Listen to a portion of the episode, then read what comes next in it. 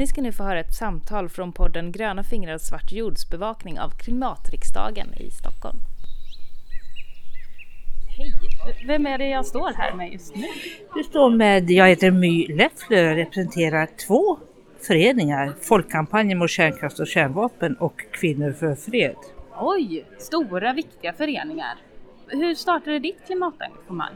Ja, eh, eftersom vi är en folkkampanj mot kärnkraft och kärnvapen. Mm. Så så länge jag har varit medveten om kärnvapen och vapen och militärens enormt miljöförstörande verksamhet Mm.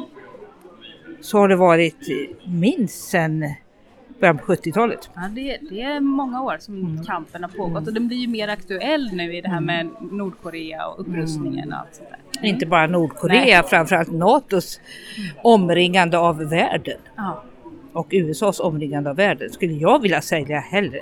det är bra. Ja, Nordkorea är en liten fisk i den pölen. säga. Mm. Eh, spännande. Hur, hur tycker du att eh, ni är med och påverkar och försöker rädda klimatet? Ja, vi har till exempel lagt en motion ehm, Ja, till klimatriksdagen nu. Ja, Ja. om eh, kärnvapen och eh, kärnkraft och att vi ännu inte har någon möjlig, eh, rimlig, säker lösning för avfallet och ändå så fortsätter vi produkten och produktionen av avfall. ja. Vad, vad säger du till dem som säger att nej, men vi behöver ändå kärnkraft och det är ju renare än kolet och sådär? Jag säger att så är inte min uppfattning Nej. eller vår uppfattning i föreningen. Ja, jag är på din linje. Utan eh, vi säger att eh, kärnkraft är väldigt miljöförstörande för det är inte bara driften som dessutom ger nuklider ut i luften under drift utan olycka. Utan för att kunna driva kärnkraft så måste du bryta uran. Just det. Gruvverksamheten, det måste gå till kärnvapenland för att anrikas. Du bygger det och sen ska du bygga slutförvar. Det är enormt miljöförstörande. Det här med slutförvaret är ju en svår fråga alltså. Är det någon som har lyckats hitta på någon bra Ingen i hela världen. Nej. Och det är radioaktivt hur länge? Hundratusen Många år? hundratusentals år. Ja, det är ingen som kan ha ansvar Nej. så länge. Nej. det vill inte jag ha i alla fall. Nej. Det är väldigt obehagligt. Till den som, som står lite handfallen inför de här stora klimatfrågorna eller energifrågorna i det här fallet då. Vad tycker du att de ska göra? Jag tycker naturligtvis att man ska tänka själv vad man gör. Mm. Men jag tycker inte det räcker. Nej.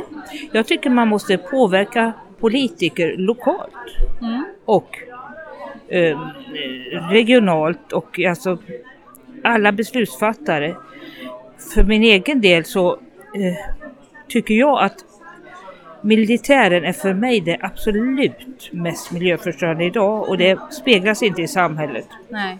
Utan militärmakten är ett parallellsamhälle med egna regler och utan insyn Mm. och sekretessbeläggning och får benämna vad de vill till riksintressen. Ja, Och jag tycker att man ska påverka våra politiker och fråga, begära, inte fråga, begära att militärmakten ska redovisa sin verksamhet ur miljösynpunkt.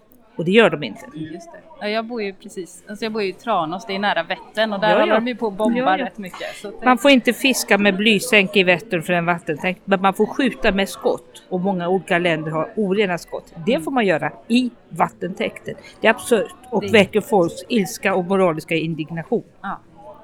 Jättebra att du är här och att eh, du för den kampen.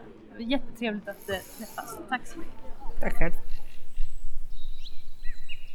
Det här samtalet var en del av podcasten Gröna fingrar och svart jords bevakning av klimatriksdagen i Stockholm den 4 till 6 maj 2018. Ni kan hitta alla delarna på www.gronafingrarsvartjord.se